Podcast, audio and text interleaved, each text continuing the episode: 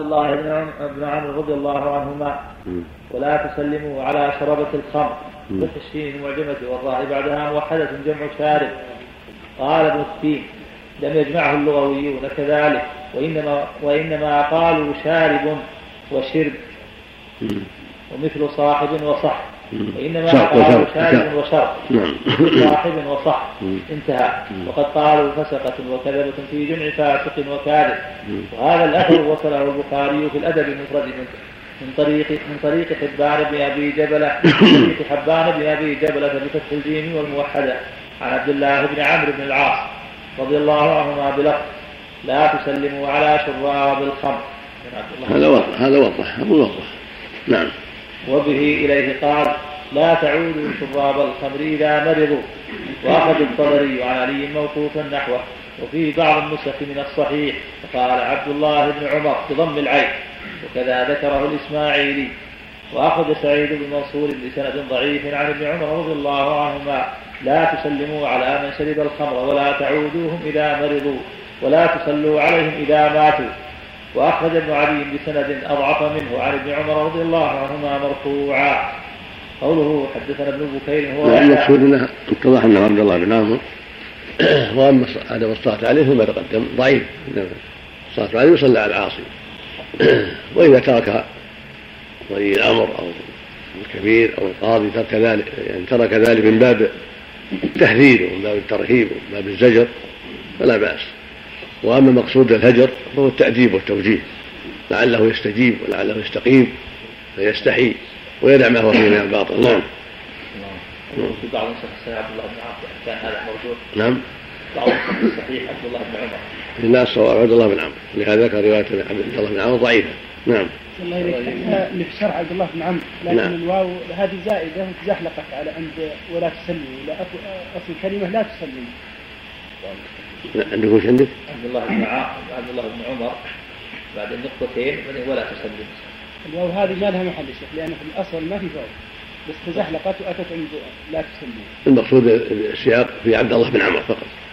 ثم الواو كان فيها الواو ما ما لها قال عبد الله بن عمر لا تسلموا لأن الكلام ما يبدأ بالواو لا تسلمون نعم.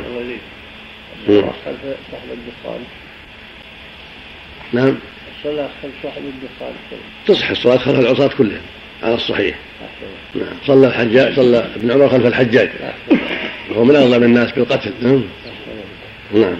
لكن إذا تيسر تولية الأخيار ولا يولى الفساق هذا الواجب. نعم. قوله حدثنا ابن بكير هو يحيى بن عبد لا، الله بن بكير. نعم. باب كيف الرد على أهل الذمة بالسلام. نعم. حدثنا ابو اليمان أخبرنا شعيب عن الزهري قال أخبرني عروة أن عائشة رضي الله عنها قالت دخل رهط من اليهود على رسول الله صلى الله عليه وسلم. فقالوا السام عليكم ففهمتها فقلت عليكم السام واللعنة. فقال رسول الله صلى الله عليه وسلم مهلا يا عائشة فإن الله يحب الرفق في الأمر كله. فقلت يا رسول الله أولم تسمع ما قالوا؟ قال رسول الله صلى الله عليه وسلم فقد قلت عليكم. حدثنا عبد الله بن يوسف أخبرنا مالك عن عبد الله بن دينار عن عبد الله بن عمر رضي الله عنهما أن رسول الله صلى الله عليه وسلم قال إذا سلم عليكم اليهود فإنما يقول أحدهم السلام عليكم فقولوا وعليك. السلام يعني الموت قصدهم الموت. لكن يظهرونها يأتون بها بعبارة منه واضحة. كانهم يقول السلام وهم يقول السام لبغضهم للمسلمين وعداوتهم للنبي عليه الصلاة والسلام. فيقول لهم النبي وعليكم. يعني الموت اللي, اللي تدعون به علينا هو عليكم أيضا. ثم قال ويستجاب لنا فيهم ولا يستجاب لهم فينا. اللهم صل عليه وسلم. نعم. نعم. الآن ما يجوز رد ابتداء الكفار بالسلام لأنهم يعني كيف؟ السام كيف؟ ما يجوز ابتداءهم بالسلام. لأنهم يقولون ونحو هذا. لا مو بأجل هذا. لكفرهم. لا يبدأون لكفرهم. وإذلالهم. لا يبدأون لكن إذا سلموا يردوا عليه قال وعليكم. نعم. الله عليك وهذا خاص باليهود ولا النصارى أيضا؟ من النصارى والكفار كلهم. نعم. حدثنا لكن لا تبدأ اليهود ولا النصارى. نعم. لا الرد كذلك. الرد عليكم. يقول النبي صلى الله عليه وسلم إذا سلم أهل الكتاب. الكتاب يعمهم. نعم. نعم. حدثنا عثمان بن أبي شيبة حدثنا هشيم أخبرنا عبيد الله بن أبي بكر بن أنس حدثنا أنس بن مالك رضي الله عنه قال قال النبي صلى الله عليه وسلم اللهم صل إذا سلم عليكم أهل الكتاب فقولوا وعليكم. اللهم صل على اللهم صل على نعم باب من نظر في كتاب من يحذر على المسلمين ليستبين أمره. اللهم صل وسلم نعم الحمد لله رب العالمين. والصلاة والسلام على أشرف الأنبياء والمرسلين. نبينا محمد وعلى آله وأصحابه أجمعين. اللهم صل عليه قال وسلم الإمام البخاري رحمه الله تعالى باب من نظر في كتاب من يحذر على المسلمين ليستبين أمره. حدثنا يوسف بن بهلول حدثنا ابن إدريس قال حدثني حسين بن عبد الرحمن. عن سعد بن عبيدة عن أبي عبد الرحمن السلمي عن علي رضي الله عنه. قال بعثني رسول الله صلى الله عليه وسلم والزبير بن العوام والزبير بن العوام وأبا مرثد الغنوي. وكلنا فارس فقال انطلقوا حتى تاتوا روضة خاء فإن بها امرأة من المشركين معها صحيفة من حاطب بن أبي بلتعة إلى المشركين. قال فأدركناها تسير على جمل لها حيث قال لنا رسول الله صلى الله عليه وسلم. قال قلنا أين الكتاب الذي معك؟ قالت ما معي كتاب. فأنخنا بها فابتغينا في رحلها فما وجدنا شيئا.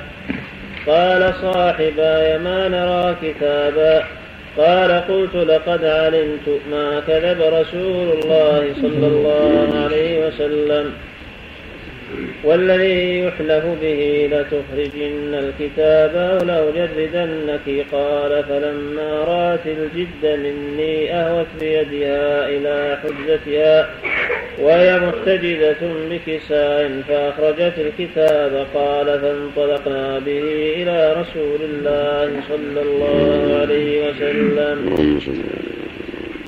فقال ما حملك يا حاطب على ما صنعت؟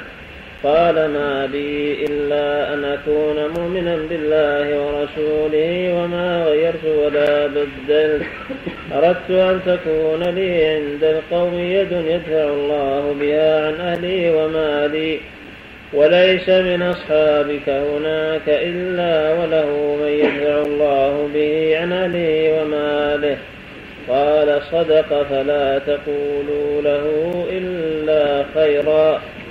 قال فقال عمر بن الخطاب رضي الله عنه إنه قد خان الله ورسوله والمؤمنين فدعني فأضرب عنقه. قال فقال يا عمر وما يدريك لعل الله قد اطلع على آل بدر فقال اعملوا ما شئتم فقد وجبت لكم الجنة. قال فدمعت. وكان حاطب من أهل بدر. ولكن زل هذه زلة وغلط هذه الغلطة فقبل منه النبي صلى الله عليه وسلم أنه ما أراد كفرا ولا ضلالا. وإنما تأول وظن أن هذا جائز له. يدفع عن أهله وماله في مكة حين كتب لبعض المشركين. يخبرهم بمسير الرسول صلى الله عليه وسلم إليهم حين غزوة الفتح. فأنزل الله في هذا السورة العظيمة يا أيها الذين آمنوا لا تتخذوا عدوي وعدوكم أولياء. الآية. نعم. اللهم المستعان نعم. قال فدمعت عينا عمر وقال الله ورسوله أعلم. باب كيف يكتب إلى أهل الكتاب. وهذا مثل ما قال المؤلف يستنبط منه. انها تلاحظ كتب الناس التي تتهم ويخشى منها حتى تمنع حتى يقضى عليها لئلا تضر الناس سواء كانت من جهة السياسة وقتال الكفار وجهادهم أو جاءت من جهة أو كانت من جهة العقيدة والأحكام. حتى لا تضر الناس. فالواجب أن تراعى الكتب التي تنشر وأن يمنع منها ما يضر الأمة في عقيدتها وأخلاقها أو في سياستها وحكومتها. نعم. اللهم باب كيف يكتب إلى أهل الكتاب. حدثنا محمد بن مقاتل أبو الحسن أخبرنا عبد الله أخبرنا يونس عن الزهري. تكلم على يوسف بن بهلول عندك يوسف شيخ المؤلف. يوسف بن بهلول. ويوسف بن بهلول شيخه فيه بضم الموحدة وسكون الهاء. شيخ كوفي أصله من الأنبار. ولم يروي عنه من الستة إلا البخاري وما له في الصحيح إلا هذا الحديث. العين قال شيء؟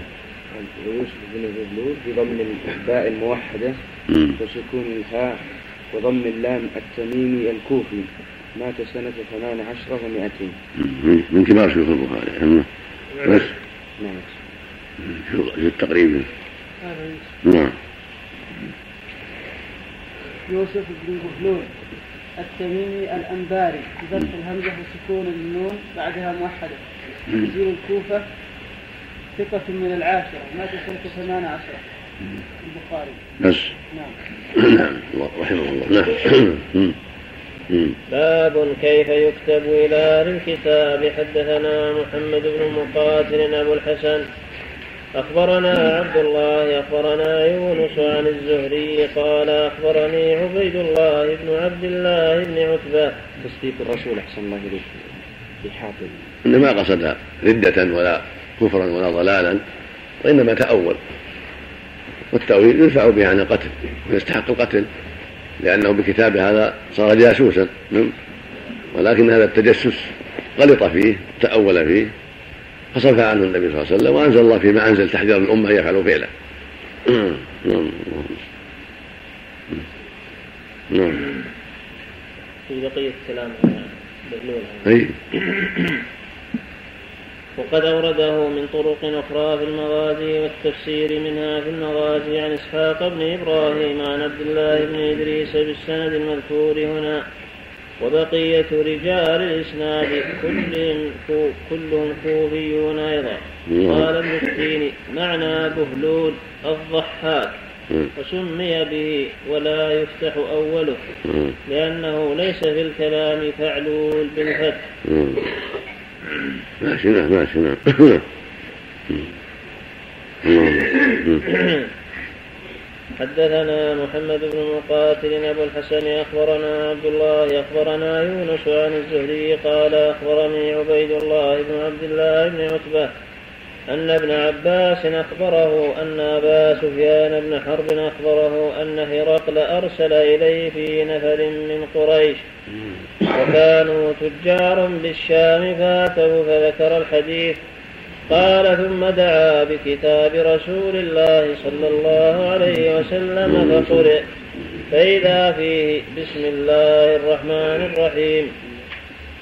من محمد عبد الله ورسوله إلى هرقل عظيم الروم. السلام على من اتبع الهدى أما بعد. كذا عنكم السلام. نعم الألف ولا العين. نعم. نعم. نعم. باب بمن يبدأ في الكتاب.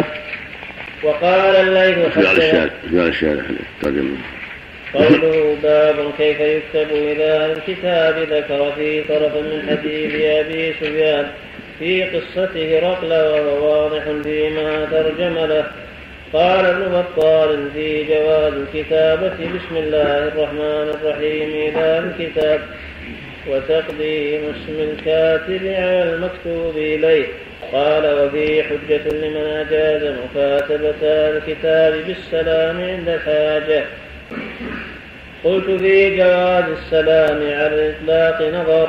والذي يدل عليه الحديث السلام مقيد مثل ما في الخبر السلام على من اتبع الهدى أو السلام على من تمسك بالحق أو نحو ذلك. وقد تقدم نقل الخلاف في ذلك في أوائل كتاب الاستئذان. بس زاد شيء عندك؟ نعم. تقدم في أول الجهة. ماشي نعم. باب بمن يبدأ في الكتاب. وقال الليث حدثني جعفر بن ربيعة عن عبد الرحمن بن هرمز عن أبي هريرة رضي الله عنه عن رسول الله صلى الله عليه وسلم. مصروف. يقوم في واشبه نعم. مصروف. نعم. وقال الليث حدثني جعفر بن ربيعة عن عبد الرحمن بن هرمز عن أبي هريرة رضي الله عنه. عن رسول الله صلى الله عليه وسلم أنه ذكر رجلا من بني إسرائيل. أخذ خشبة فنقرها فأدخل فيها ألف دينار وصحيفة منه إلى صاحبه. وقال عمر بن أبي سلمة عن أبيه عن أبي هريرة عن أبيه عن أبي هريرة قال قال النبي صلى الله عليه وسلم نجر خشبة فجعل المال في جوفها. وكتب إليه صحيفة من فلان إلى فلان. والشاهد قوله من فلان إلى فلان. من الأفضل أن يبدأ الكاتب باسمه من فلان إلى فلان. الكاتب يبدأ المكتوب إليه هو الثاني. وهذه قصة قصة غريبة وعجيبة تدل على ما قد وقع في بني إسرائيل من الأخيار والأمانة العظيمة والصدق والرابة كما وقع فيهم أشرار وعتاة وقع فيهم أخيار وعباد وصلحاء وأخيار. فإن هذا الرجل اقترض من إنسان ألف دينار ألف جنيه. وقال له هل من شهيد؟ قال كذا بالله شهيدا. قال هل من كثير قال كذا بالله كثيرا فقال الرجل لا بأس وثقنا بالله. وأعطاه القرض من دون إشهاد ولا كتابة ولا شيء. ألف دينار ووعد موعد أنه يؤدي إليه في موعد كذا. وسافر الرجل لحاجته. فجاء الموعد وليس هناك سفينة يركبها حتى يؤدي الأمانة والقرض فأخذ خشبة ونقرها وجعل فيها ألف دينار. جعل فيها كتابا لصاحبه. يعتذر فيه ويقول ما وجدت من يوصلها إليك. ثم طرحها في البحر وطلب من الله يوصلها إليه. فسارت البحر بإذن الله حتى وصلت إلى المينا التي فيها الرجل. فخرج الرجل يطلب حطبا لأهله فوجد الخشبة على المينا فأخذها حطبا. فلما كسرها وجد الدنانير والكتاب فيها.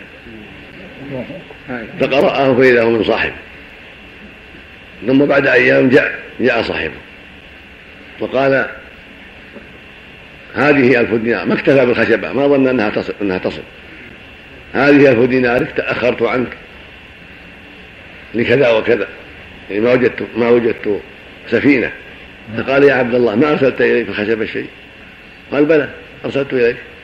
قال وصلت. قد قد أدى الله عنك. هذه آية من آيات الله. عجيبة. حرص المؤمن على أداء الأمانة. الله أداها قال كفى بالله وكيلا وكفى بالله شهيدا. ولكن جاءت الشريعة المحمدية بوجوب الاحتياط في مثل هذا وأن المؤمن لا يفرط. فينبغي أن يأخذ بالحيطة ويرسلها مع الثقة حتى تصل. مش قال الشارع هذا قوله باب بمن يبدا في الكتاب أي بنفسه أو بالمكتوب إليه. ذكر فيه طرفا من حديث الرجل من بني إسرائيل الذي اقترض ألف دينار. وكأنه لما لم يجد فيه حديثا على شرطه مرفوعا اقتصر على هذا وعلى قاعدته في الاحتجاج بشرع من قبلنا. إذا وردت حكايته في شرعنا ولم ينكر ولا سيما إذا سيق وساق الملك لفاعله والحجة فيه كون الذي عليه الدين كتب في الصحيفة من فلان إلى فلان وكان يمكنه أن يحتج بكتاب النبي صلى الله عليه وسلم إلى هرقل المشار إليه قريبا.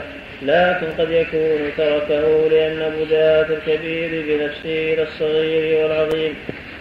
لأن بداة الكبير بنفسه إلى الصغير والعظيم إلى الحقير هو الأصل. وإنما يقع التردد فيما هو بالعكس أو المساوي. وقد أورد في الأدب المفرد من طريق خارجة بن زيد بن ثابت عن كبراء آل زيد بن ثابت هذه الرسالة لعبد الله معاوية أمير المؤمنين. لزيد بن ثابت سلام عليك وأورد عن ابن عمر نحو ذلك وعند أبي داود من طريق مسيرين عن أبي العلاء بن الحضرمي عن العلاء أنه كتب إلى النبي صلى الله عليه وسلم فبدا بنفسه وأخرج عبد الرزاق عن معمر عن أيوب قرأت كتابا من العلاء بن الحضرمي إلى محمد رسول الله. عن أيوب قرأت كتابا من العلاء بن الحضرمي إلى محمد رسول الله.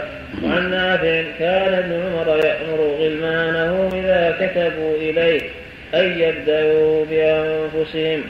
وعن نافع كان عمال عمر إذا كتبوا إليه بدأوا بأنفسهم. قال المهلب السنة أن يبدأ الكاتب بنفسه. وعن معمر عن أيوب أنه كان ربما بدا باسم الرجل قبله إذا قبله قبله. أنه بدا باسم الرجل قبله إذا كتب إليه. وسئل مالك عنه فقال لا بأس به وقال هو كما لو أوسع له في المجلس. فقيل له إن أهل العراق يقولون لا تبدأ بأحد قبلك. ولو كان أباك أو أمك أو أكبر منك فعاب ذلك عليهم. قلت والمنقول عن ابن عمر كان في أغلب أحواله وإلا فقد أخرج البخاري في الأدب المفرد بسند صحيح عن نافع. كانت لابن عمر حاجة إلى معاوية وأراد أن يبدأ بنفسه فلم يبالوا به حتى كتب بسم الله الرحمن الرحيم. إلى معاوية وفي رواية زيادة أما بعد بعد البسملة وأخرج فيه أيضا عن رواية عبد الله بن دينار أن عبد الله بن عمر كتب إلى عبد الملك يبايعه. بسم الله الرحمن الرحيم لعبد الملك أمير المؤمنين من عبد الله بن عمر. سلام عليك إلى آخره. وقد ذكر في كتاب الاعتصام طرفا منه وآية التنبيه عليه هناك إن شاء الله تعالى. هذا هو الأصل. الأصل أن الكاتب يبدأ بنفسه كما بدأ النبي صلى الله عليه وسلم بنفسه وكما بدأ علاء بن الحضرمي وكتاب عمر وغيرهم. لكن يجوز أن يبدأ باسم المكتوب إليه إذا كان عظيما ويخشى أنه إن بدأ بنفسه يكون في نفسه شيء أو يحمله على محمل سيء فلا بأس كما فعل ابن عمر حين كتب إلى معاوية فبدأ باسم معاوية وكما فعل في كتابة لعبد الملك بن مروان وكما فعل زيد بن ثابت في كتابته إلى معاوية من باب التأدب. ومن باب خشية يتوهم أن الكاتب يعظم نفسه عليه وأنه يرى أنه فوقه هذه مسائل ترجع إلى الاجتهاد والتحري. فإذا رأى الكاتب يبدأ بنفسه فلا بأس وهو السنة وهو الأصل. وإذا رأى من المصلحة أن يبدأ باسم المكتوب إليه لأنه ملك أو لأنه كذا ممن يخشى شره أو لأسباب أخرى فلا حرج. نعم. إذا كان لأبي وأمه نعم. إذا كان لأبيه وأمه. ولو لأبيه وأمه. السنة يبدأ بنفسه. إلى والدي فلان أو إلى وإن بدأ بوالد خشى أن يكون في خاطر والده شيء لا بأس. نعم.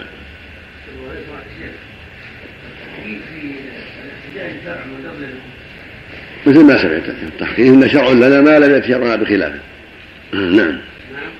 شرع لنا ما لم يأتي شرعنا بخلافه نعم إذا حكاه النبي واقره صار شرعا لنا إلا إذا نهى عنه النبي صلى الله عليه وسلم أو جاء في احاديث أخرى تنهى عنه أو تخالفه. نعم. السلام عليكم تبع الهدى خاصة بالكفار بالكفار بس. واللي يذكرها مثل المسلمين. لا ما يجوز هذا. يقول السلام ورحمة الله وبركاته. المسلمين يقول السلام ورحمة الله وبركاته. أما الكفار يقول السلام على من اتبع الهدى أو السلام على من اتبع الحق أو تمسك بالحق. نعم لأنهم لا يبدأوا بالسلام هم الكفار لا يبدأوا بالسلام. نعم. لكن يا شيخ إذا كان الإنسان مثلا يرجو هداية الشخص مثلا يكتب إليه السلام على من اتبع الحق تكون ما تكون أخف؟ الهدى هو الحق. أو الهدى هو الحق. هم قد لا يعبرون مثلا. المعنى واحد ما في بس كل واحد. نعم. نعم. الرد عليهم يا شيخ بالسلام. نعم. إذا سلم عليكم. ترد عليه. السلام عليكم. عليكم مثل السلام. ما رد مثل ما قد تقول عليه. نعم. قوله وقال الليث تقدم في الكهالة بيان من وصله.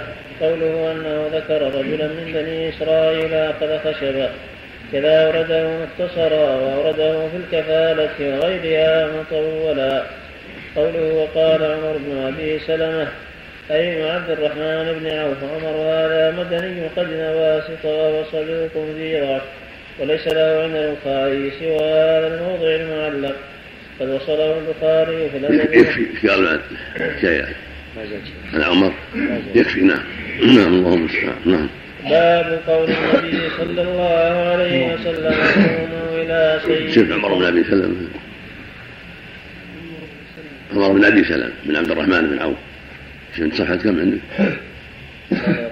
نعم 48 إيش قال عليه وعمر إيش وعمر إيش قال عندك وعمر؟ وقال عمر بن أبي سلمة. أي بن عبد الرحمن بن عوف اي وعمر وهذا مدني قدم واسف. وهو صدوق في ضعف. وليس له عند. البخاري سوى هذا الموضع المعلق نعم عمر بن أبي سلمة بن عبد الرحمن بن عوف الزهري. قاضي المدينة صدوق يخطئ من السادسة قتل بالشام سنة 32 مع بني أمية. البخاري التعليق والاربعه طيب. ماشي نعم. نعم باب قول النبي صلى الله عليه وسلم قوموا إلى سيدكم. اللهم صل على حدثنا أبو الوليد حدثنا شعبة عن سعد بن إبراهيم عن أبي أمامة بن سعد بن حنيف عن أبي سعيد أن آل قريظة نزلوا على حكم سعد. فأرسل النبي صلى الله عليه وسلم إليه فجاء فقال قوموا إلى سيدكم أو قال خيركم. فقعد عند النبي صلى الله عليه وسلم فقال هؤلاء نزلوا على حكمك؟ قال فإني يحكم أن تقتل مقاتلتهم وتسبي ذراريهم. فقال لقد حكمت بما حكم به الملك. سبحانه قال وتعالى أبو عبد الله أفهمني بعض أصحابي عن أبي الوليد من قول أبي سعيد إلى حكمك. الله أكبر. اللهم المستعان وذلك أنهم ظاهروا المشركين يوم الأحزاب ونقضوا العهد. حاصرهم النبي صلى الله عليه وسلم مدة فطلبوا أن يحكم فيه أن يحكم فيهم سعد. بن معاذ لانهم حلفاء الأوس. وسعد بن معاذ هو رئيس الأوس وسيدهم وهو من السابقين إلى الإسلام من المدينة وقت اله- وقت الهجرة وهو من الرؤساء الموفقين الأخيار. فحكم بأن تقتل مقاتلتهم وتسبى ذريتهم ونساؤهم. فقال الرسول صلى الله عليه وسلم قد حكمت بحكم الله من فوق سبعة أرقى كما في الرواية الأخرى وهنا بحكم الملك يعني الله سبحانه وتعالى. فأنزلوا وقتل وقتلت المقاتلة كانوا نحو سبعمائة رجل قتلوا وسبيت سبيت النساء والذرية وكانوا يعرفون البالغ بالكشف عن عورته. فمن أنبت لا شكوا في الصبي إن كان أنبت قتل وإن كان لم ينبت ترك مع الذرية سبيا. وأذلهم الله وقضى عليهم. والمقصود من هذا قول قول قوموا إلى سيدكم. هذا يدل على أن يجوز القيام للرئيس والكبير إذا قدم للسلام عليه وإكرامه. قام الصحابة إليه لما جاء على حمار للحكم. قاموا إليه وسلموا عليه كما قال له النبي صلى الله عليه وسلم. دل ذلك على أن يقوم الإنسان لأخيه يقابله يسلم عليه ويأخذ بيده صافحه وينزله في مكانه مثلا. المكروه المكروه الذي يقوم الناس وهو جا- وهو جالس هذا ينهى لا يقومون عليه وهو جالس. إلا لحرص لحراسه كذلك كونه يقومون له إذا دخل من غير مصافحة ولا مقابلة من مجرد قيام ثم جلوس هذا مكروه. أن يقوم إليه ب- ب- بلفظه إلى يقوم إليه لمقابلته ومصافحته والأخذ بيده ونحو ذلك هذا لا بأس به. هذا اللي فعله الصحابة بامر النبي سيد سعد سعد بن معاذ. وهذا اللي فعله طلحة بن عبيد الله أحد العشرة. لما جاء كعب بن مالك بعد التوبة والنبي جالس في المسجد في الحلقة فلما رأه طلحة قام إليه وقابله وصافحه وهنأه بالتوبة. قال كعب فما زلت أعرفها لطلحة. وهكذا إذا دخلت فاطمة على النبي قام إليها وأخذ بيدها وقبلها عليه الصلاة والسلام. وكان إذا دخل على أهله قامت إليه وأخذت بيده وقبلته عليه الصلاة والسلام. هذا وأشباهه لا حرج فيه. فالمسألة ثلاثة أقسام. القسم الأول أن يقوم الناس على رأسه تعظيما. هذا الذي أنكره النبي صلى الله عليه وسلم وهو من عمل العجم. لما صلى صلى الله عليه وسلم جالسا لما جحش شقه وسقط صلى جالسا عليه الصلاة والسلام. وصلى معه ناس قيام فأمرهم بالجلوس وأشار إليهم. فلما سلم قال كدت أن تعظموني كما تعظم فارس الروح وظمائه إذا صلى جالس فصلوا جلوسا هذا نوع. والنوع الثاني أن يقوموا أن يقوموا إليه. لا له بل يقوموا إليه لمقابلته. المصافحه ونحو هذا لا بأس به. النوع الثالث أن يقوموا له فقط ولا, ولا لا لمقابلاته بل لمجرد دخوله أو خروجه يقوموا له. هذا هو المكروه. وهو الذي قال فيه النبي صلى الله عليه من سره أن يتمثل له الرجال قياما فليتبوأ مقعده من النار. فمن أحب هذا وأسره هذا ففيه الوعيد. فلا ينبغي أن يسر به الإنسان ولا ينبغي يفعله ولا ينبغي للناس أن يفعلوا. يعني يقول أنس رضي الله عنه ما كان أحد أحب إليهم من رسول الله صلى الله عليه وسلم وما كانوا يقومون إذا دخل عليهم لما يعلم من كراهته لذلك. إذا دخل عليهم وهم في مجالسهم ردوا عليه وسلموا عليه وهم في مجالسهم عليه الصلاة والسلام. إلا إنسان يقوم إليه لمصافحته أو لسؤاله عن شيء هذا لا بأس. هذه الأقسام الثلاثة هي فصل النزاع في الموضوع. نعم. تقبيل اليد نعم. تقبيل اليد. إذا فعل لحاجة بعض الأحيان فلا بأس لكن ما ينبغي الاتخاذ دائم لكن إذا فعل بعض الأحيان لا بأس فقد فعل مع النبي بعض الأحيان عليه الصلاة والسلام. فعل بعض ما يكون طريقة متبعة. نعم. وبعض مشايخ نعم. نعم. إذا كان رئيس العمل أو شيء وعلم شيء فيسبب شيء لا حرج إذا كان لأجل هذا لدفع الشر فلا بأس. النبي صلى الله عليه وسلم سأله بعض اليهود عن مسائل فلما أخبرهم صدقوه وقبلوا يده ورجله عليه الصلاة والسلام. نعم. وبعض مشايخ الصوفية يستدلون بهذا الحديث ويتركون ينحنوا على أيديهم وعلى ركبهم. على كل حال الصوفية عندهم ما أكبر عندهم الشرك أكبر. أكبر عندهم ما هو أكبر من هذا. لكن من كان في خير ينصح يوجه له. الكلام مع من يخاف الله ويتقيه أما مع المشركين والخرافيين أمرهم آخر. نعم. إذا قام نعم. إذا قام الرجل إيه. فقيم معه عند مغادرته. ما في بأس كان الصحابة إذا قام النبي قاموا معه حتى يتوارى عنه. الله إليك اتخاذ كلما قدم والده. قبل رأسه وقام له. الأمر الأمر في هذا واسع. حديث فاطمة كلما دخل عليها قامت له. كلما دخل دخلت عليه قام لها قام إليها. هكذا روى جماعة من أهل العلم بإسناد صحيح. وداود وجماعة ذكره الحافظ علامة من في كتاب الآداب فيما ينبغي الولد مع أبيه. لا حرج في هذا نعم. باب المصافحة القيام على رأسه. نعم القيام على رأسه من الكبائر. إذا.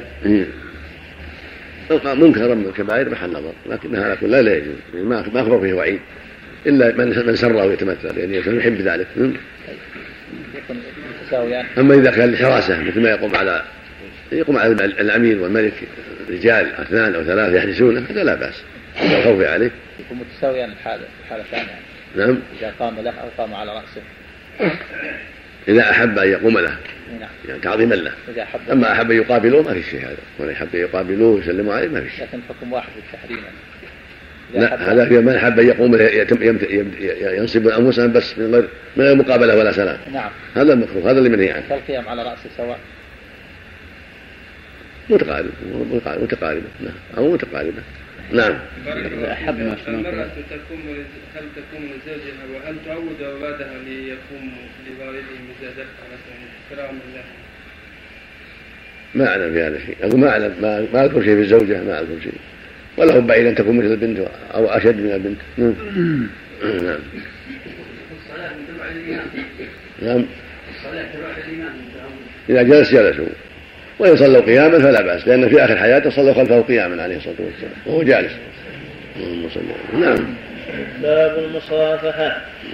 وقال ابن مسعود رضي الله عنه علمني رسول الله صلى الله عليه وسلم التشهد وكفي بين كفيه.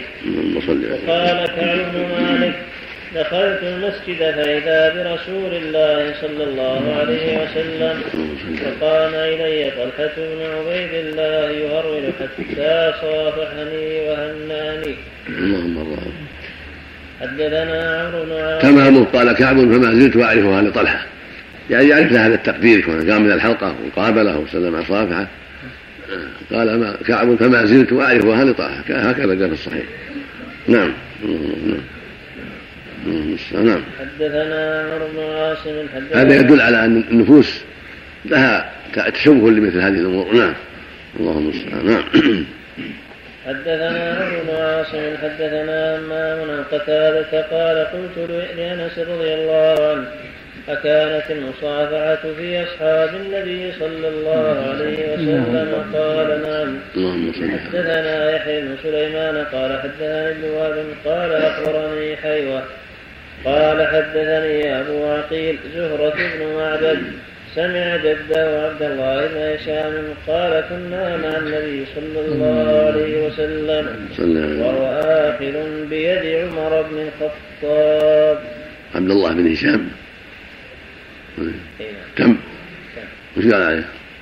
قال عبد الله بن هشام قوله سمع جده عبد الله بن هشام أي بن زهرة بن عثمان من بني من بني تميم بن مرة. نعم. بس ما قال شيء انتهى وش عندك؟ الحمد لله الله لكم نعم قال عليه؟ قال هنا عن زهرة بفتح الزاء وسكون الهاء ابن معبد. فتح الزاء. فتح الزاء يحصل له كذا. نعم. فتح. نعم زهرة. لنعرف الظن. وش بعده؟ تم. وسكون الهاء ابن معبد بفتح الميم. وسكون العين المهملة وفتح الباء الموحدة وبالدال المهملة بن عبد الله بن هشام بن عثمان بن عمرو القرشي التيمي يعد في أهل الحجاز قال أبو عمر ذهبت به أمه زينب بنت حميد إلى النبي صلى الله عليه وسلم وهو صغير فمسح برأسه ودعا له ولم يبايعه لصغره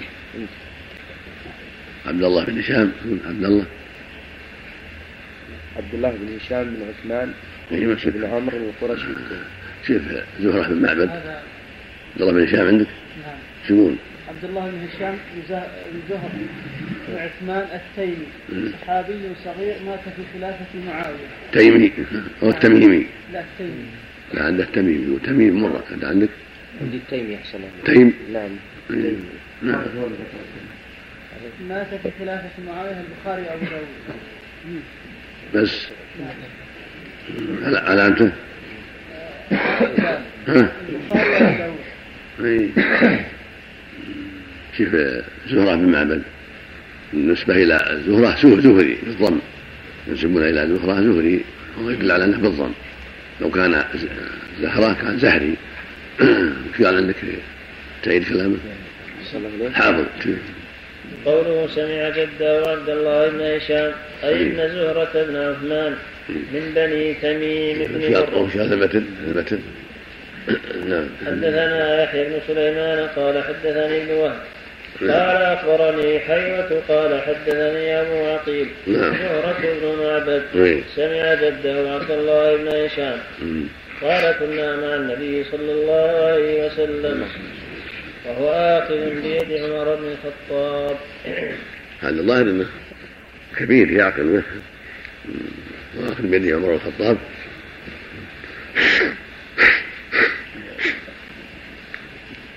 نعم نعم نعم يلا زهرة زهرة بضم أوله ابن معبد بن ابن عبد الله بن هشام القرشي التيمي أبو عقيل المدني نزول مصر ثقة عابد من الرابعة حمد عليك ضبطه في التقريب بالضم انظر ضبطه في التقريب بالضم. ضم الزاي سم نعم. نعم. باب الأخذ باليد. نعم. وصافح حماد بن زيد. وصافح. وصافح حماد بن زيد ابن المبارك بيديه. حدثنا أبو نعيم حدثنا شيخ قال سمعت مجاهدا يقول حدثني عبد الله بن سخبرة أبو معمر قال سمعت ابن مسعود رضي الله عنه يقول علمني رسول الله صلى الله عليه وسلم وكفي بين كفي التشهد كما يعلمني السورة من القرآن. التحيات لله والصلوات والطيبات والسلام عليك أيها النبي ورحمة الله وبركاته. السلام علينا وعلى عباد الله الصالحين. أشهد أن لا إله إلا الله وأشهد أن محمدا عبده ورسوله وهو بين ظهرانينا. فلما قبض قلنا السلام يعني على النبي صلى الله عليه وسلم. وهذا يدل على الاحتفال بهذا التعليم جعل كف بين كفيه هكذا جعل يد ابن مسعود فوق يده وجعل يعلمه عليه الصلاة والسلام. هذا يدل على جواز الأخذ باليدين جميعا بالعنايه والتحفي مثل ما فعل حماد بن زيد مع عبد الله بن مبارك. الأصل المصاحب اليمين هذا الأصل. لكن إذا ضم يده اليسرى إليها مع ذلك إلى يده فلا حرج في ذلك كما يفعل بعض الناس من جهه العناية. إيش قال الشارع هذا؟ قوله باب الأخذ باليد كذا في رواية أبي ذر عن الحموي والمستملي وللباقين باليدين وفي نسخة باليمين وغلط وسقطت هذه الترجمة وأثرها وحديثها من رواية النسائي قوله وصافح حماد بن زيد بن المبارك بيديه وصله غنجار في تاريخ بخارى من طريق إسحاق بن أحمد بن خلف. قال سمعت محمد بن إسماعيل البخاري يقول سمع أبي من مالك ورأى حماد بن زيد يصافح ابن المبارك بكلتا يديه.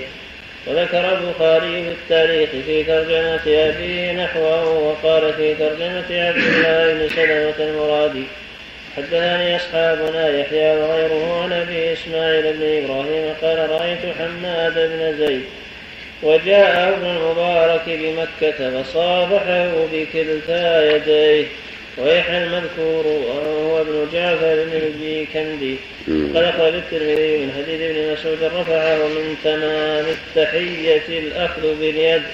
وفي سنة وروى وروى الترمذي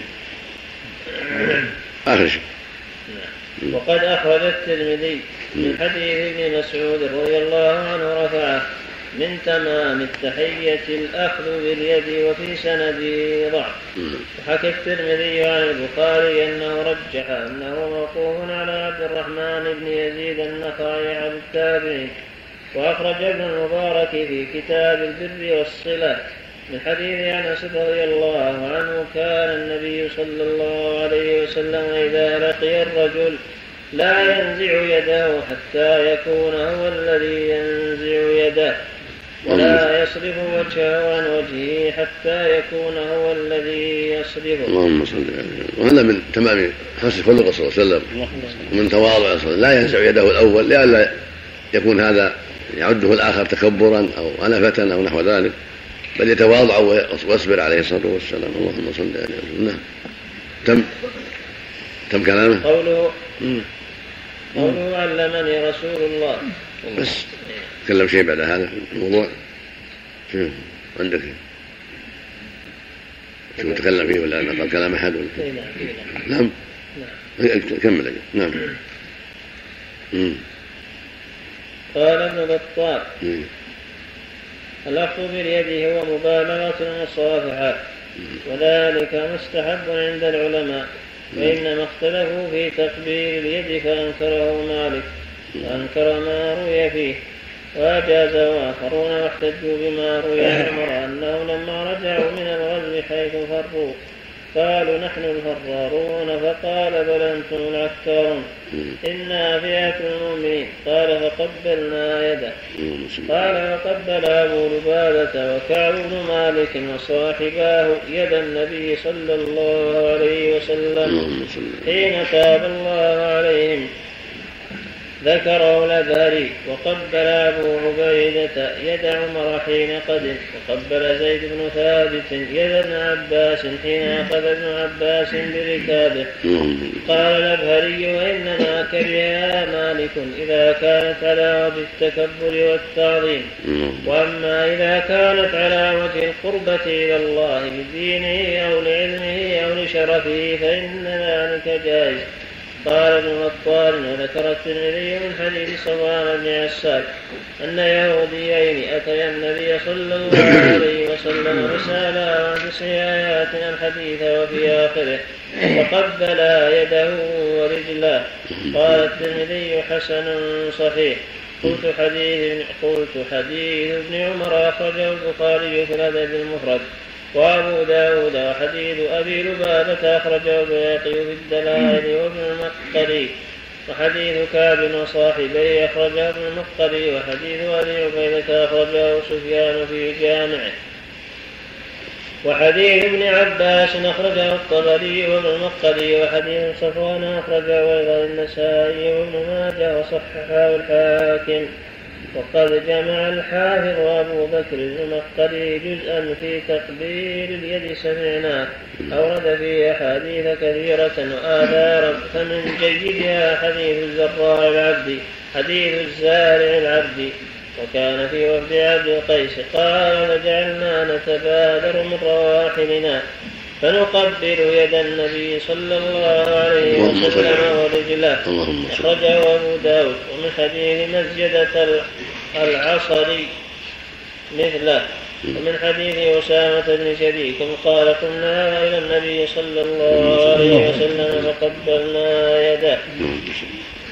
وسنده قوي ومن حديث جابر أن عمر قام إلى النبي اليد سمعنا أورد فيه أحاديث كثيرة وآثارا فمن جيدها حديث الزراع العبد حديث الزارع العبد.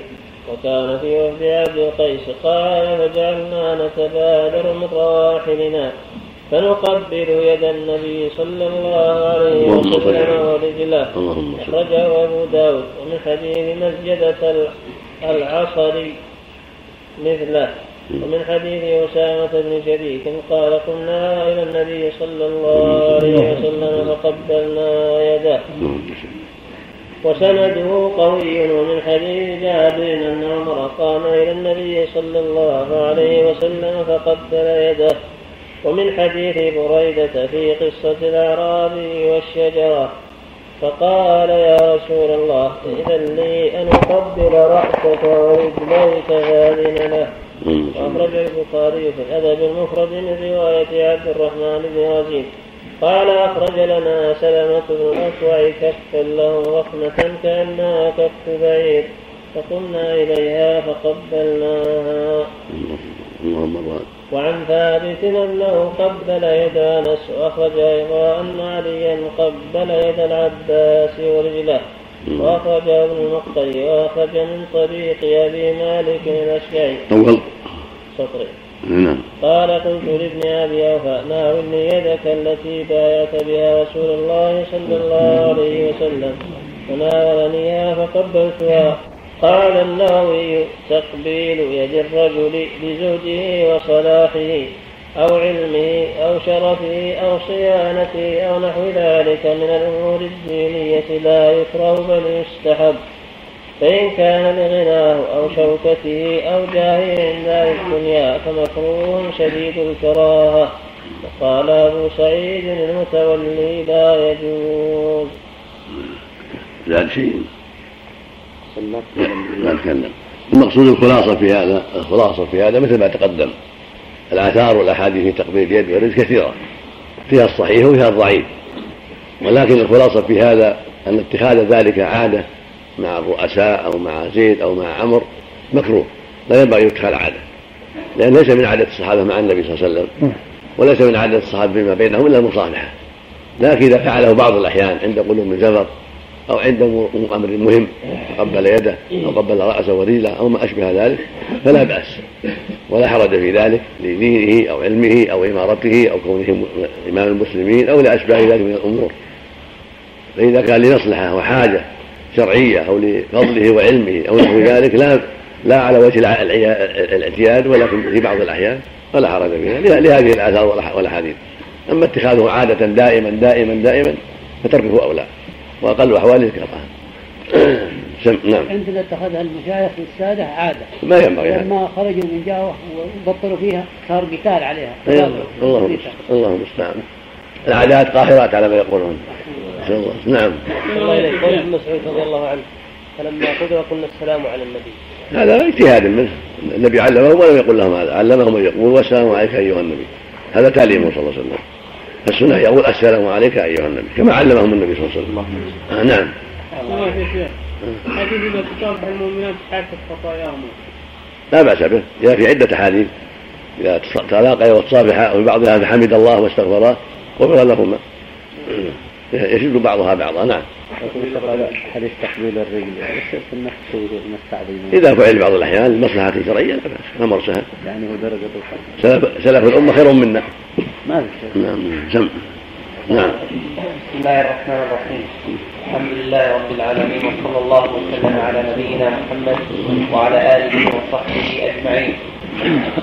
قال المؤلف رحمه الله. تعالى. شو باب الوقت عليه باب وش؟ باب المعانقة. صف كم؟ قول الرجل كيف أصبح؟ صف كم؟ سبعة خمسة نعم. بسم الله الرحمن الرحيم. الحمد لله رب العالمين. والصلاة والسلام على نبينا محمد وعلى آله وصحبه أجمعين. قال الإمام أبو عبد الله البخاري رحمه الله تعالى باب المعانقة وقول الرجل كيف أصبح. حدثنا إسحاق وأخبرنا بشر بن شعيب. حدثني أبي عن الزهري قال أخبرني عبد الله بن كعب. أن عبد الله بن عباس رضي الله عنهما أخبره أن علي أن علي يعني ابن أبي طالب رضي الله عنه خرج من عند النبي صلى الله عليه وسلم. آه وحدثنا أحمد بن صالح حدثنا عنبسة حدثنا يونس.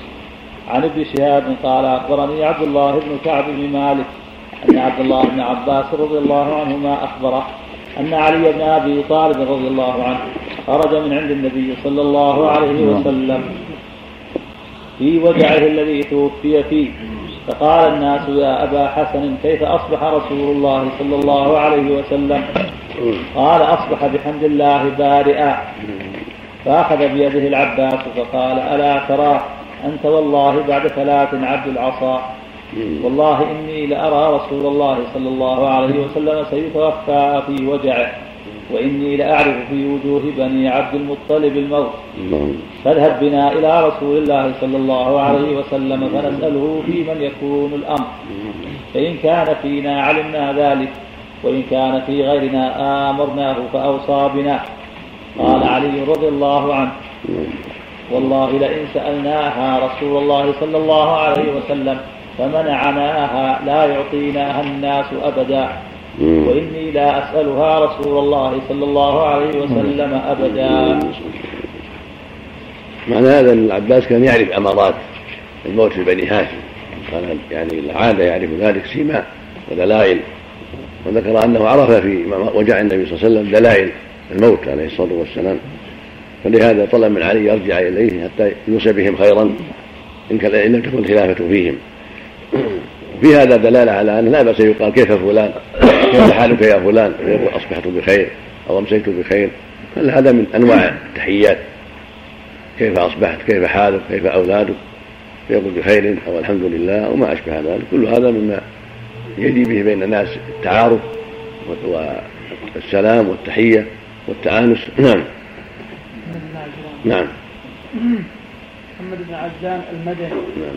صدوق لأنه اختلط عليه أحاديث أبي هريرة. من الخامسة مات سنة 48 بخاري تعليق ومسلم الأربع. هنا ضعيف تعريف المؤلف غير اختلاط أيضا غير اختلاط سعيد النبي سعيد وأبوه. في أيضا هذا من من ضعف حفظه أيضا. اختلاط الروايات عليه من ضعف حفظه. نعم. نعم. نعم. والله يعني ثلاث عبد العصا يعني. يعني تحت إمرة غيرك. نعم تحت إمرة غيرك يعني يعني تقول لي عليه غيره بعد موت النبي عليه الصلاة والسلام. نعم. نعم. الشاهد من حيث الباب يا شيخ باب المعانقة. يأتي يأتي هذا.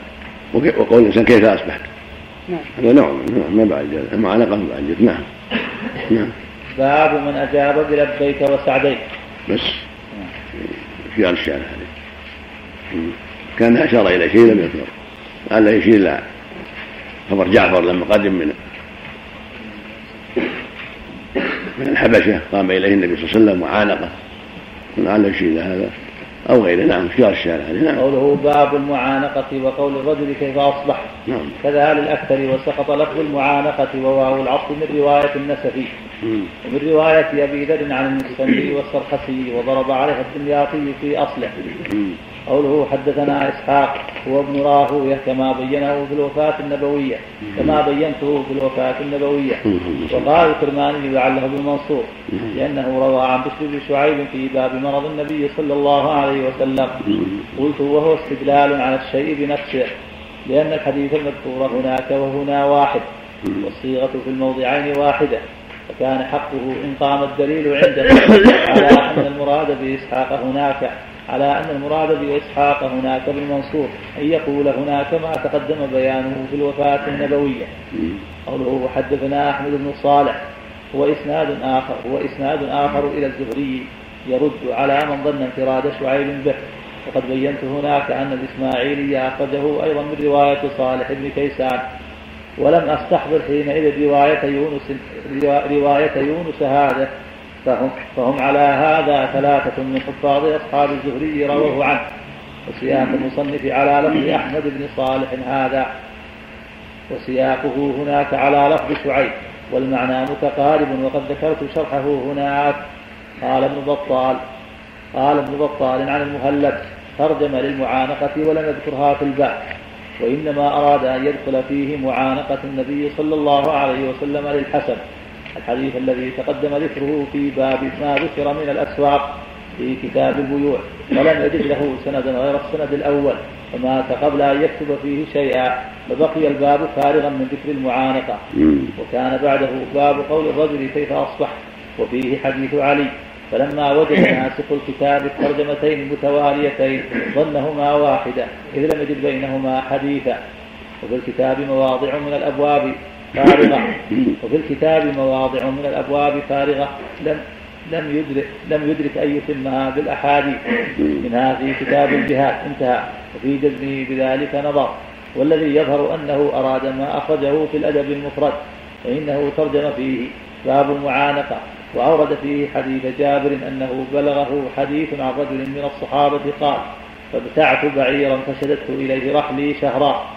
حتى قدمت الشام فإذا عبد الله بن أنيس فبعثت إليه فخرج فاعتنقني واعتنقته الحديث فهذا أولى بمراده. وقد ذكر طرفا منه في كتاب العلم معلقا فقال ورحل جابر بن عبد الله مسيرة شهر في حديث واحد. قدم الكلام على سنده هناك. وأما جزمه بأنه لم يجد لحديث أبي هريرة سندا آخر ففيه نظر لأنه أورده في كتاب اللباس بسند آخر وعلقه في مناقب الحسن. فقال وقال نافع بن جبير عن أبي هريرة رضي الله عنه فذكر طرفا منه فلو كان أراد ذكره لعل فلو فلو كان أراد ذكره لعلق منه موضع حاجته أيضا بحذف أكثر السند أو بعضه. يعني يقول وقال أبو هريرة رضي الله عنه أو قال عبيد الله بن أبي يزيد عن نافع بن جبير عن أبي هريرة رضي الله عنه وأما قوله إنهما ترجمتان خلت الأولى عن الحديث فضمها الناسخ فإنه محتمل ولكن في الجزم به نظر. وقد ذكرت في المقدمة عن أبي ذر راوي الكتاب ما يؤيد ما ذكره من أن بعض من سمع الكتاب كان يضم بعض التراجم إلى بعض ويسد البيان وهي قاعدة يفزع إليها عند العجز عن تطبيق الحديث على الترجمة ويؤيده إسقاط لفظ المعانقة من رواية من ذكرنا وقد ترجم في الأدب وقد ترجم في الأدب باب باب باب كيف باب كيف أصبح. وأورد فيه حديث ابن عباس المذكور وأفرد باب المعانقة عن هذا الباب. وأورد فيه حديث جابر كما ذكرت. وقوى ابن التين ما قال ابن بطال بأنه وقع عنده في رواية باب المعانقة قول الرجل كيف أصبح؟ بغير واو فدل على أنهما ترجمتان. وقد أخذ ابن جماعة وقد أخذ ابن جماعة كلام ابن بطال جازما به واختصره وزاد عليه فقال ترجم بالمعانقة ولم يذكرها وإنما ذكرها في كتاب البيوع. وكأنه ترجم ولم يتفق له حديث يوافقه في المعنى ولا طريق آخر لسند معانقة الحسن ولم ير أن يرويه بذلك السند لأنه ليس من عادته إعادة السند الواحد أو لعله أخذ المعانقة من عادتهم عند قولهم كيف أصبحت. فاكتفى بكيف أصبحت باقتران المعانقة به عادة.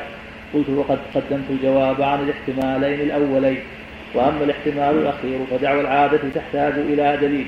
وقد أورده البخاري في الأدب وقد أورد البخاري في الأدب المفرد في باب كيف أصبحت. حديث محمد محمود بن لبيد أن سعد بن معاذ رضي الله عنه لما أصيب أكحله كان النبي صلى الله عليه وسلم إذا مر به يقول كيف أصبحت. الحديث وليس فيه للمعانقة ذكر وكذلك أخذ النسائي من طريق عمر بن أبي سلمة عن أبيه عن أبي هريرة رضي الله عنه.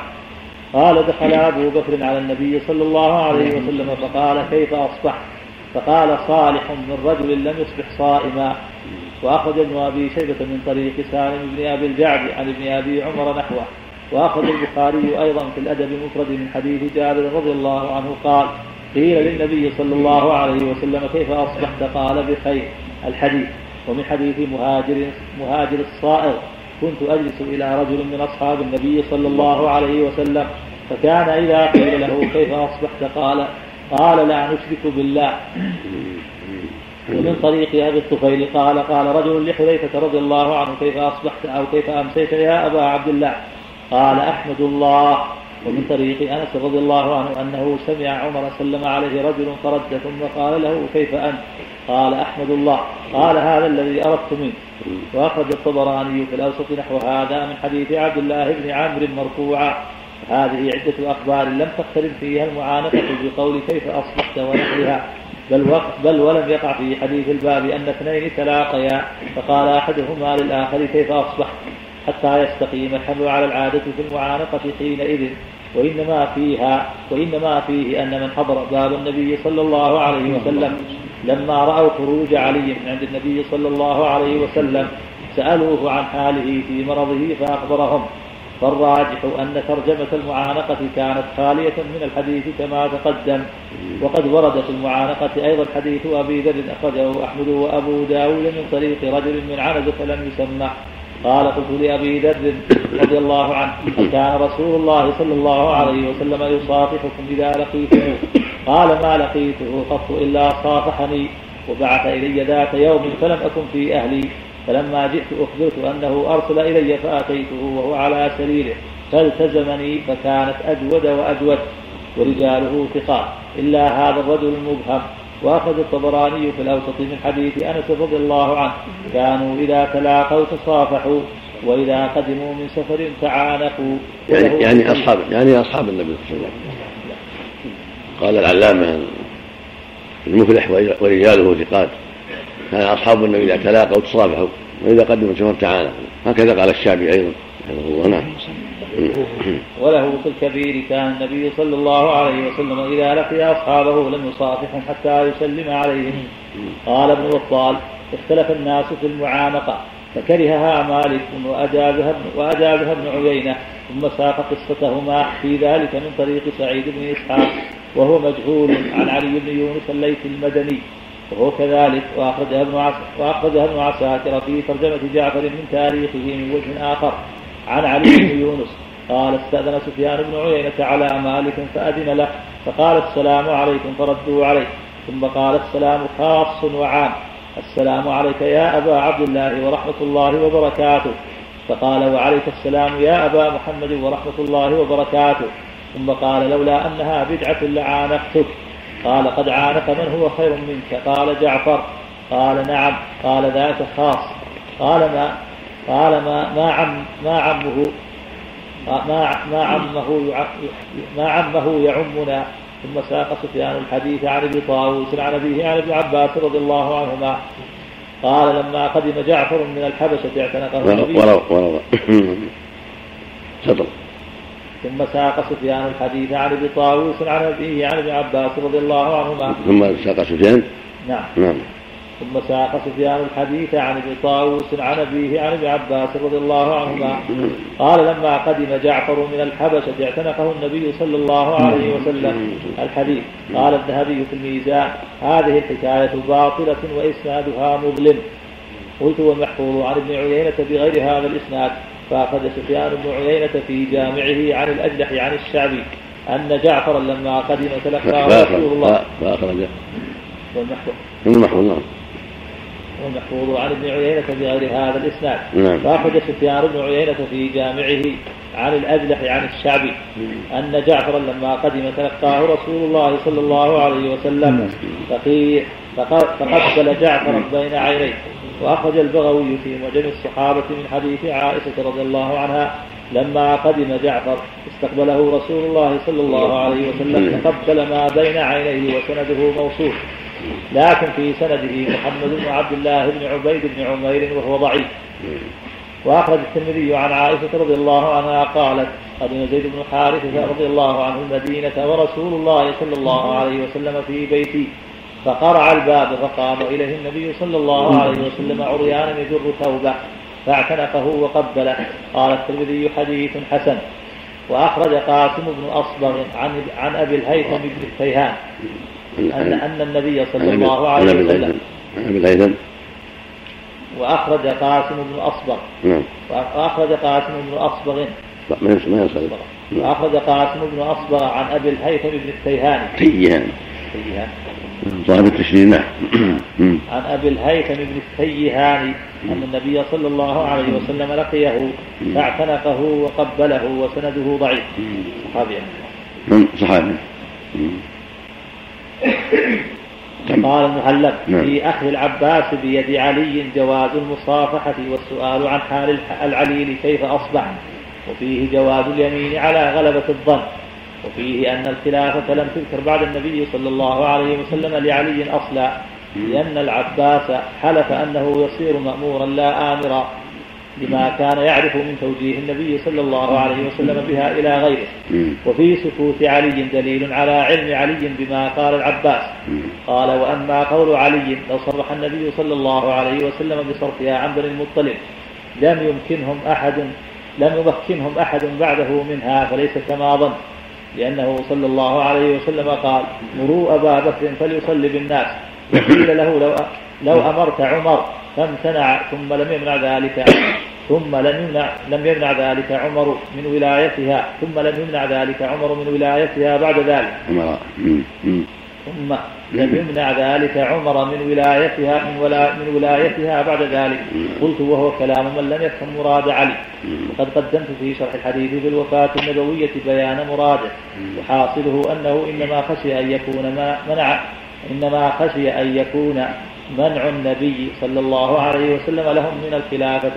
حجة قاطع حجة قاطعة بمنعهم منها على الاستمرار تمسكا بالمنع الأول لو رده بمنع الخلافة نصا. وأما منع الصلاة فليس فيه نص على منع الخلافة وإن كان في التنصيص على إمامة أبي بكر في مرضه إشارة إلى أنه أحق بالخلافة فهو بطريق الاستنباط إلى النص ولولا قرينة كونه في مرض الموت ما ما قوي.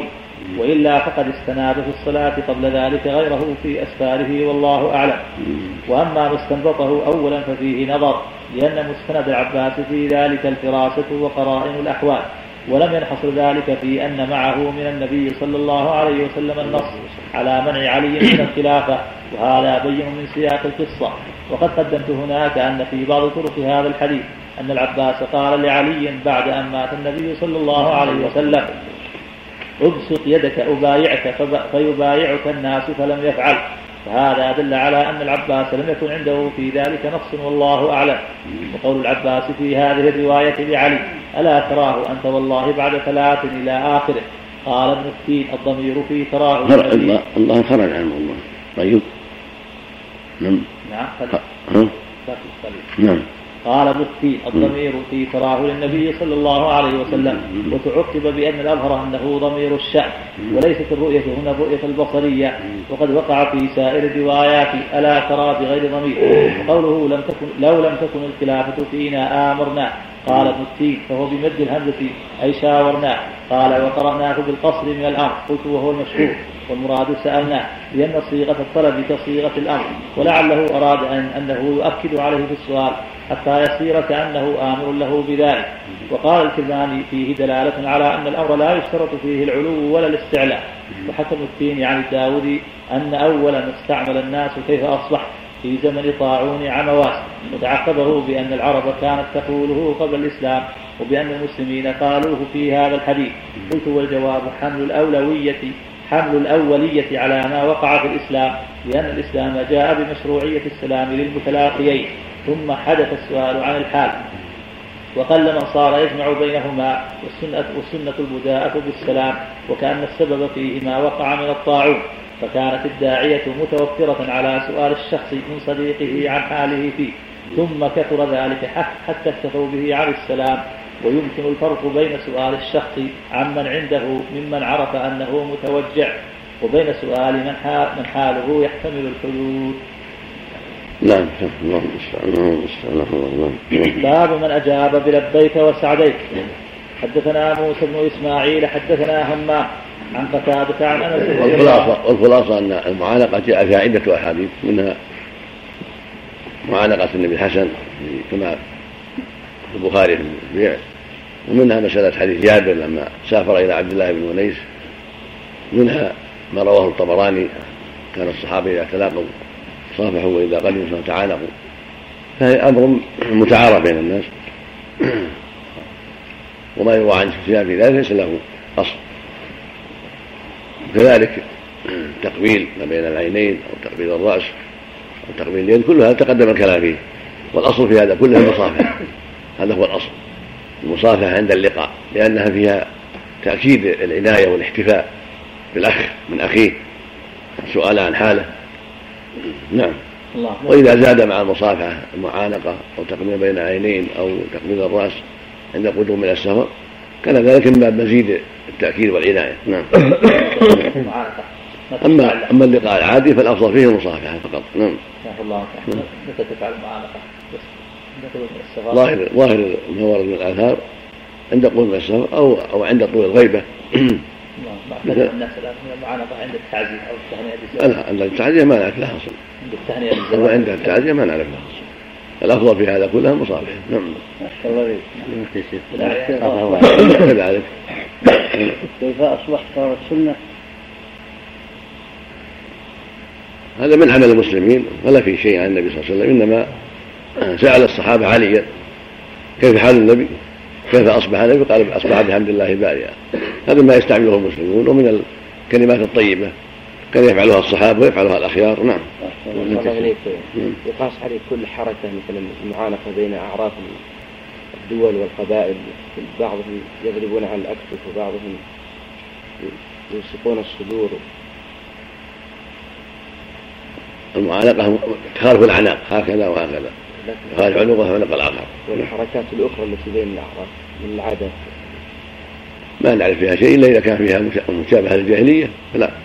شيء من زي من زي العادي من زي الكفرة يترك. نعم. الله نبه على نعم. نبه على يعني العادة هذه معانقة تهنئة زواج تعزية الأفضل الأفضل. عدم التكلف يعني من باب الأفضلية.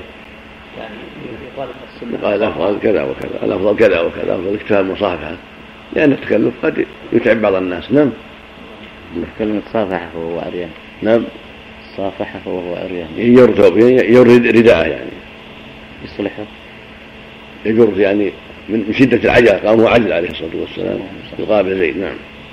عليه الإزار والرداء في يده أو في أو, أو في عاتقه المقصود ما ما اصلح عليه الصلاة والسلام. شدة العجله عليه الصلاة والسلام. نعم. نعم. بعض الناس مثلا إذا دخل الآتي مثلا يسلم قال خلاص يعني سلم وتجلس ما في داعي صار. هو مخير انصاف فلا بأس من سلم وجلس فلا بأس الأمر أسهل. يعني من باب العناية انصاف من باب العناية حسن. وإن كان بيكلف الناس ولا كذا القرآن هذا قد يكلف الناس وهم كثير. فإنه يجلس قد يكون أريح للناس حتى لا يكلفهم. وان صالح فلا ينكر. إن الصحابة كانوا يتلاقوا وتصافحوا ما هو مرغب فيها شيخ حفظك الله عشان تحدد نعم. ما هو مرغب فيها عشان تحدد ذنوب الخطايا؟ عند اللقاء مستحبة. هكذا كان أصحابه إذا تلاقوا إذا لاقوا النبي تصافحوا لكن قد يكون مجلس فيه جم غفير قد يتعبهم أو يتعب نفسه أو يشغلهم عما هو أهم. يعني يلاحظ يلاحظ المعنى يلاحظ ينبغي الداخل يلاحظ نعم. قد يكون عدم مصافحته لهم يشق عليهم ويرونه جفاء فيه. قد يروا مصافحته تؤذيهم وتشق عليهم. ينبغي للداخل يلاحظ الأمور لا لا يكون عنده غفله ويكون عنده آه، عدم فطنة. يلاحظ نعم. ما نهي عن المعانقة التي غير ما سمعت. نعم. حدثنا موسى بن إسماعيل حدثنا همام عن قتادة عن أنس رضي الله عنه وعن معاذ رضي الله عنه. قال أنا رديف النبي صلى الله عليه وسلم. فقال يا معاذ قلت لبيك وسعديك. ثم قال مثله ثلاثا هل تدري ما حق الله على العباد قلت لا قال حق الله على العباد أن يعبدوه ولا يشركوا به شيئا. ثم سار ساعة فقال يا معاذ قلت لبيك وسعديك. قال حق العباد على الله إذا فعلوا ذلك الا يعذبهم. حدثنا هدبة حدثنا همام حدثنا وفيه من الفوائد. عن معاذ بهذا. كما تقدم فيه من الفوائد شرعية السؤال الطالب عن المهمات من العلم تكرار السؤال أيضا إذا دعت الحاجة إلى ذلك ليستعد طالب ولينتبه وليتهيأ للفائدة. وكان النبي يستعمل هذا بعض الأحيان عليه الصلاة والسلام كما فعله مع معاذ هنا. وذلك فيه فيه فائدة إذا فعله معلم مع مع تلاميذه كانت فيه مصلحة للجميع لينتبهوا. نعم. وليستعدوا للجواب. نعم. حدثنا عمرو بن حفص حدثنا أبي حدثنا الأعمش حدثنا زيد بن وهب حدثنا والله أبو ذر بالربذع. قال كنت أمشي مع النبي صلى الله عليه وسلم في حرة المدينة عشاء. استقبلنا احد استقبلنا أحد فقال يا أبا ذر ما أحب أن لي احدا ما أحب أن أخذ لي ذهبا تأتي علي ليلة أو ثلاث عندي منه دينار إلا أرصده لدي إلا أن أقول به في عباد الله هكذا وهكذا وهكذا وأرانا بيده. عندنا لا أرصده؟ عندنا إلا أرصده لدي. إلا أرصده لدي نعم. إلا أن أقول به في عباد الله هكذا وهكذا وهكذا وأرانا بيده. ثم قال يا أبا ذر قلت لبيك وسعديك يا رسول الله. قال الأكثرون هم الأقلون. إلا من قال هكذا وهكذا. ثم قال لي مكانك لا تبرح يا أبا ذر حتى أرجع. فانطلق حتى غاب عني فسمعت صوتا. فخشيت أن يكون عرض لرسول الله صلى الله عليه وسلم فأردت أن أذهب ثم ذكرت قول رسول الله صلى الله عليه وسلم لا تبرح فمكثت. قلت يا رسول الله سمعت صوتا خشيت أن يكون عرض لك. ثم ذكرت قولك فقمت. فقال النبي صلى الله عليه وسلم ذاك جبريل أتاني فأخبرني أنه فأخبرني أنه من مات من أمتي لا يشرك بالله شيئا دخل الجنة. قلت يا رسول الله وإن زنى وإن سرق. قال وإن زنى وإن سرق. قلت لزيد إنه بلغني أنه أبو الدرداء. فقال أشهد لحدثنيه أبو ذر بالربدة. قال الأعمش وحدثني أبو صالح عن أبي الدرداء نحوه. وقال قال الأعمش؟ نعم. قال الأعمش. قال الأعمش وحدثني أبو صالح عن أبي الدرداء نحوه. وقال أبو شهاب عن الأعمش يمكث عندي فوق ثلاث. قول قال الأعمش وبالسند قوله قال الأعمش. إيه قوله قال الأعمش. حدثني أبو صالح. وقوله في قلت لزيد أي ابن وهب والقائل هو الأعمش وهو موصول بالإسناد المذكور. وقد بين في الرواية التي تليها أن الأعمش رواه عن أبي صالح عن أبي الدرداء قوله وقال أبو شهاب وهذا وهذا فيه فوائد منها جوده وكرمه عليه الصلاة والسلام وحبه للجود وحبه للبذل عليه الصلاة والسلام. وأن هذا المال لا قيمة له إذا لم يبذل في وجوه الخير والأعمال الصالحات. ولهذا قال عليه الصلاة والسلام ما أحب أن لي أحدا وفي الأخرى في الرواية الأخرى مالي ما أحب أن لي مثل أحد ذهبا تمر عليه ثلاثة الأيام عندي منه دينار. إلا دينار أصده لدي ولكن أقول في عباد الله هكذا وهكذا وهكذا عن يمينه وعن شماله وأمامه. في الرواية الأخرى وعن من خلفه. يعني أنفقه في الناس أنفقه في وجوه البر. ثم قال يا أبا ذر إن الأكثرين هم الأقلون يوم القيامة. يعني الأكثرون مالا هم الأقلون يوم القيامة. إلا من قال هكذا وهكذا. إلا من أنفق من هذا المال وأدى حق الله عليه. نعم. ثم ذكر قصة جبريل عليه الصلاة والسلام وأن الله وأنه بشره من عند الله عز وجل. أن من مات لا يشرك بالله شيئا دخل الجنة. فقال له النبي صلى الله عليه وسلم وإن زنى وإن سرق؟ قال وإن زنى وإن سرق. هذا يدل على أن المعاصي لا تمنع من دخول الجنة من كل الوجوه وإن منعت أن يدخلها العاصي مع مع أول الناس. وإن جرى عليه عذاب لكن لا تمنع من دخول الجنة كما تقوله الخوارج والمعتزلة. قبحهم الله. فإنهم قالوا إن المعاصي توجب النار والخلود فيها أبد الآباد وأن الزاني مخلد في النار والساري مخلد في النار والعاقل والد مخلد في النار وهكذا. هذا قولهم باطل. هذا خلاف عليه أهل السنة والجماعة. أهل السنة والجماعة يقولون ما قاله الله عز وجل إن الله لا يغفر أن يشرك به ويغفر ما دون ذلك لمن يشاء تحت مشيئة الله المعاصي. وهكذا ما أخبر به النبي صلى الله عليه وسلم عن بشارة جبرائيل أن العاصي لا يحرم من الجنة. بل موعود بالجنة لتوحيده وإسلامه وأنه لا يشرك بالله شيئا وإن مات على معصية لكنه تحت مشيئة الله. وهو متوعد بالنار أهل المعاصي متوعدون بالنار. وبعضهم متوعد فيها والخلود فيها كالزاني والقاتل وقاتل نفسه ولكنه خلود ليس مثل خلود الكفار. خلود له نهاية خلود له نهاية ثم يخرجهم الله من النار إلى الجنة.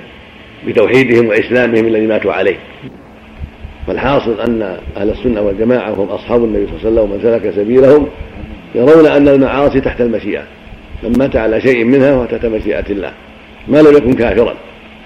ولا يخلد في النار خلود الكفار. بل خلد فيها فهو خلود مؤقت. له نهاية. ثم يخرجهم الله من النار إلى الجنة بما ماتوا عليه من التوحيد والإسلام. كما قال الله جل وعلا في كتابه العظيم والذين لا يدعون مع الله إلها آخر ولا يقتلون نفسا التي حرم الله إلا بالحق ولا يزنون ومن يفعل ذلك يلقى أثاما يضاعف له العذاب يوم القيامة ويخلد فيه مهانا. هذا الخلود خلود خاص بخلاف خلود الكفار. فالآية فيها جمعة المشرك وجمعة العاصي. خلود المشرك خلود دائم أبدا نسأل الله العافية.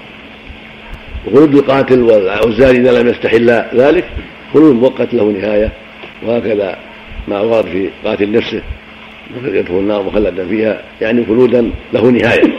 نسأل الله السلامة والعافية. نعم. السند حدثنا والله أبو بكر بالتأكيد يعني. من باب هو والله لا يهدي الله بها رجلا واحدا خير لك من حور النعم.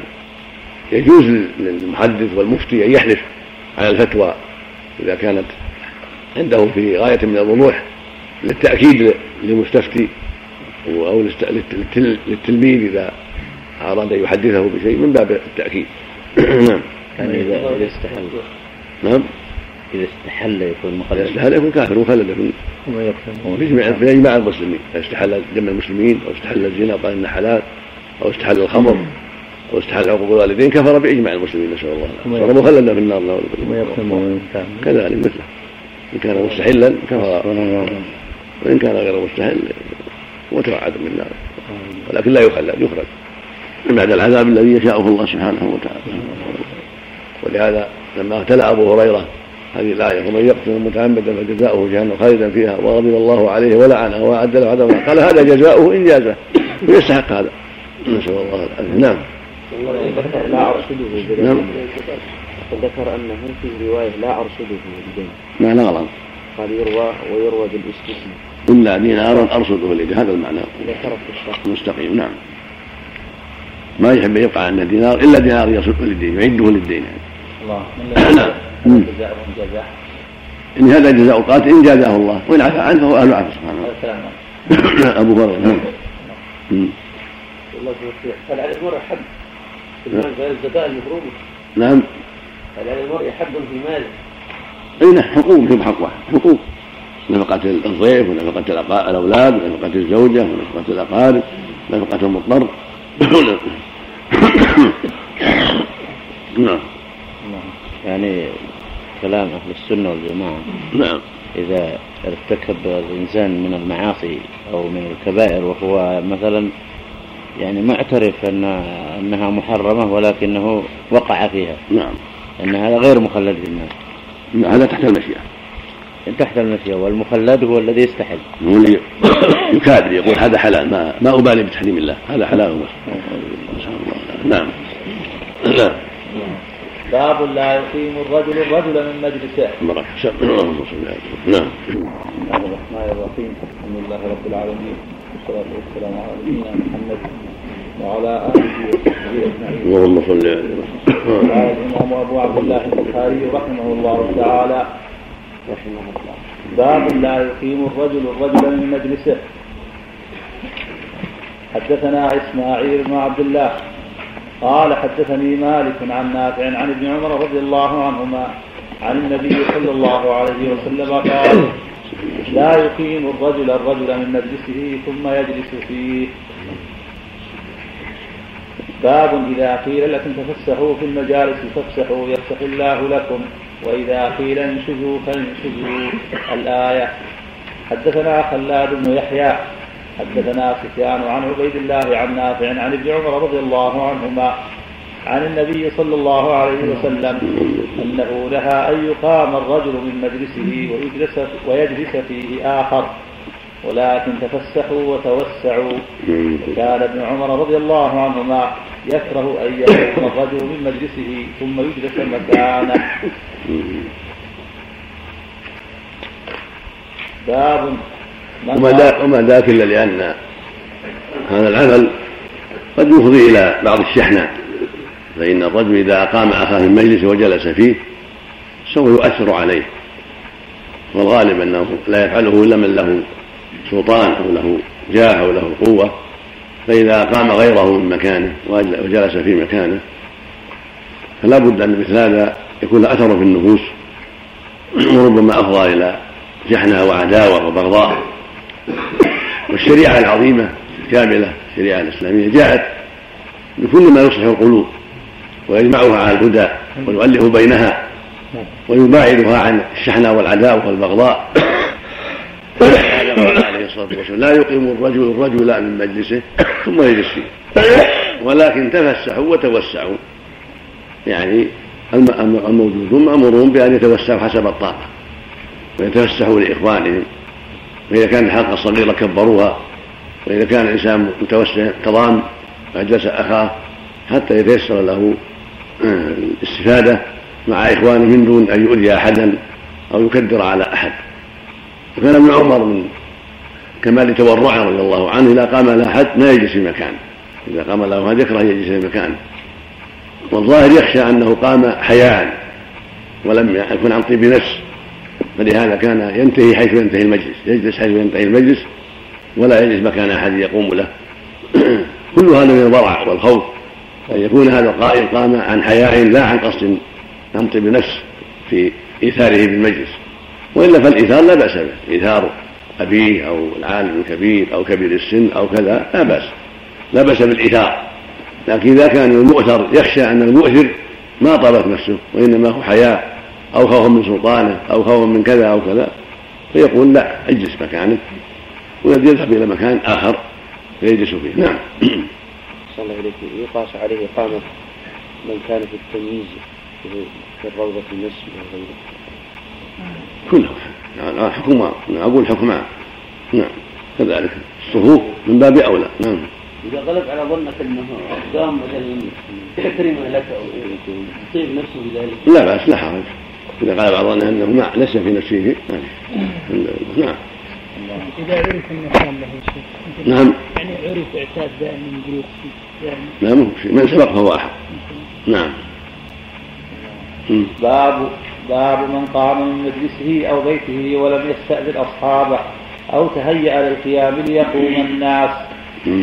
حدثنا الحسن بن عمر حدثنا معتمر سمعت أبي يذكر عن أبي مجلس عن أنس بن مالك رضي الله عنه قال لما تزوج رسول الله صلى الله عليه وسلم زينب بنت جحش دعا الناس طعموا دعا الناس طعموا ثم جلسوا يتحدثون قال فأخذ كأنه يتهيأ للقيام فلم يقوموا فلما رأى ذلك قام.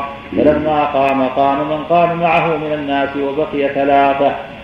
وإن النبي صلى الله عليه وسلم جاء ليدخل فإذا القوم جلوس. ثم إنهم قاموا فانطلقوا. قال فجئت فأخبرت النبي صلى الله عليه وسلم أنهم قد انطلقوا. فجاء حتى دخل. فذهبت أدخل فأرخى الحجاب بيني وبينه. وأنزل الله تعالى يا أيها الذين آمنوا لا تدخلوا بيوت النبي إلا أن يؤذن لكم. إلى قوله إن ذلكم كان عند الله عظيما. وهذا واضح. الإنسان إذا أراد أن يقوم ليس من شرط ذلك يستأذن الحاضرين ويقول لحاجة أو كذا. صاحب البيت له أن يقوم من غير استئذان وله أن يتهيأ للقيام ليقوم الناس. له يفعل شيئا. يعني يفعل شيء يؤذن بأنه سيقوم. مثل يلتبس الشيء الذي عاده عصا إن كان عصا يأخذ عصا إن كان يريد يلبس النعال قدم النعال. يعني أشياء تشعر. تشعر بأنه سيقوم حتى يقوموا. وإن قام ولم يقل شيئا فلا حرج. وإن استاذن لهم قال يا إخواني عندي شغل سامحونا طيب كله لا بأس به. لأن الأمور تختلف والشخص يختلف والناس يختلفون. فالإنسان ينظر ما هو أصلح. ان كان من الاصلح أن يستأذنهم ويبين لهم بعض العذر فلا بأس وإن رأى ان لا حاجة إلى ذلك قام وليس هناك حاجة. نعم. باب الاحتباء باليد وهو القرصصاء حدثني محمد بن أبي غالب. أخبرنا إبراهيم بن المنذر. أخبرنا إبراهيم بن المنذر الحجامي. حدثنا محمد بن فليح. عن أبيه عن نافع عن ابن عمر رضي الله عنهما. قال رأيت رسول الله صلى الله عليه وسلم بفناء الكعبة محتبيا بيده هكذا. هكذا. عادة العرب يحطون ثوب هكذا وراء ظهورهم يحطون كذا حتى تكون الجلسة مضبوطة يستريحون. كان مستند إلى شيء وتارة بالأيدي هكذا. يكون هكذا يضبطها على ساقيه وهو جالس هكذا. يسمونها القرفصاء نعم. يستعملها يوم الجمعة سنة. لا حرج الصحيح لا حرج. لأن الحديث اللي فيهن ضعيف الحديث اللي فيهن يعني الاحتفاء عن الاحتباء ضعيف لكن بعض الصحابة فعلها كثيرا ولكن إذا كانت تسبب نوما أو شيء من الكسل يتركها. الذين كرهوها قالوا أن الاحتباء قد يسبب النوم والكسل. ولا سيما في الخطبة والمطلوب أنه يستمع وينصت ويهتم. بشيار الشارع قوله باب الاحتباء باليد وهو وقع في رواية التشميهني وهي القرقصاء بضم القاضي والفاء بينهما راء ساكنة ثم صاد مهملة ومد. وقال الفراء إن ضممت القاف والفاء مدد وإن كسرت قصرت. والذي فسر به البخاري الاحتباء أخذه من كلام أبي عبيدة فإنه قال القرقصاء جلسة المحتبي ويدير ذراعيه ويديه على ساقيه وقال عياض قيل هي الاحتباء وقيل جلسة الرجل المستوفز وقيل جلسة الرجل على اليتيه قال وحديث وحديث وحديث وح قال وحديث قيلة وحديث قيلة يدل عليه لأن فيه وبيده عسيب نخلة ودل على أنه لم يحتب بيديه قلت ولا دلالة فيه على نفي الاحتباء.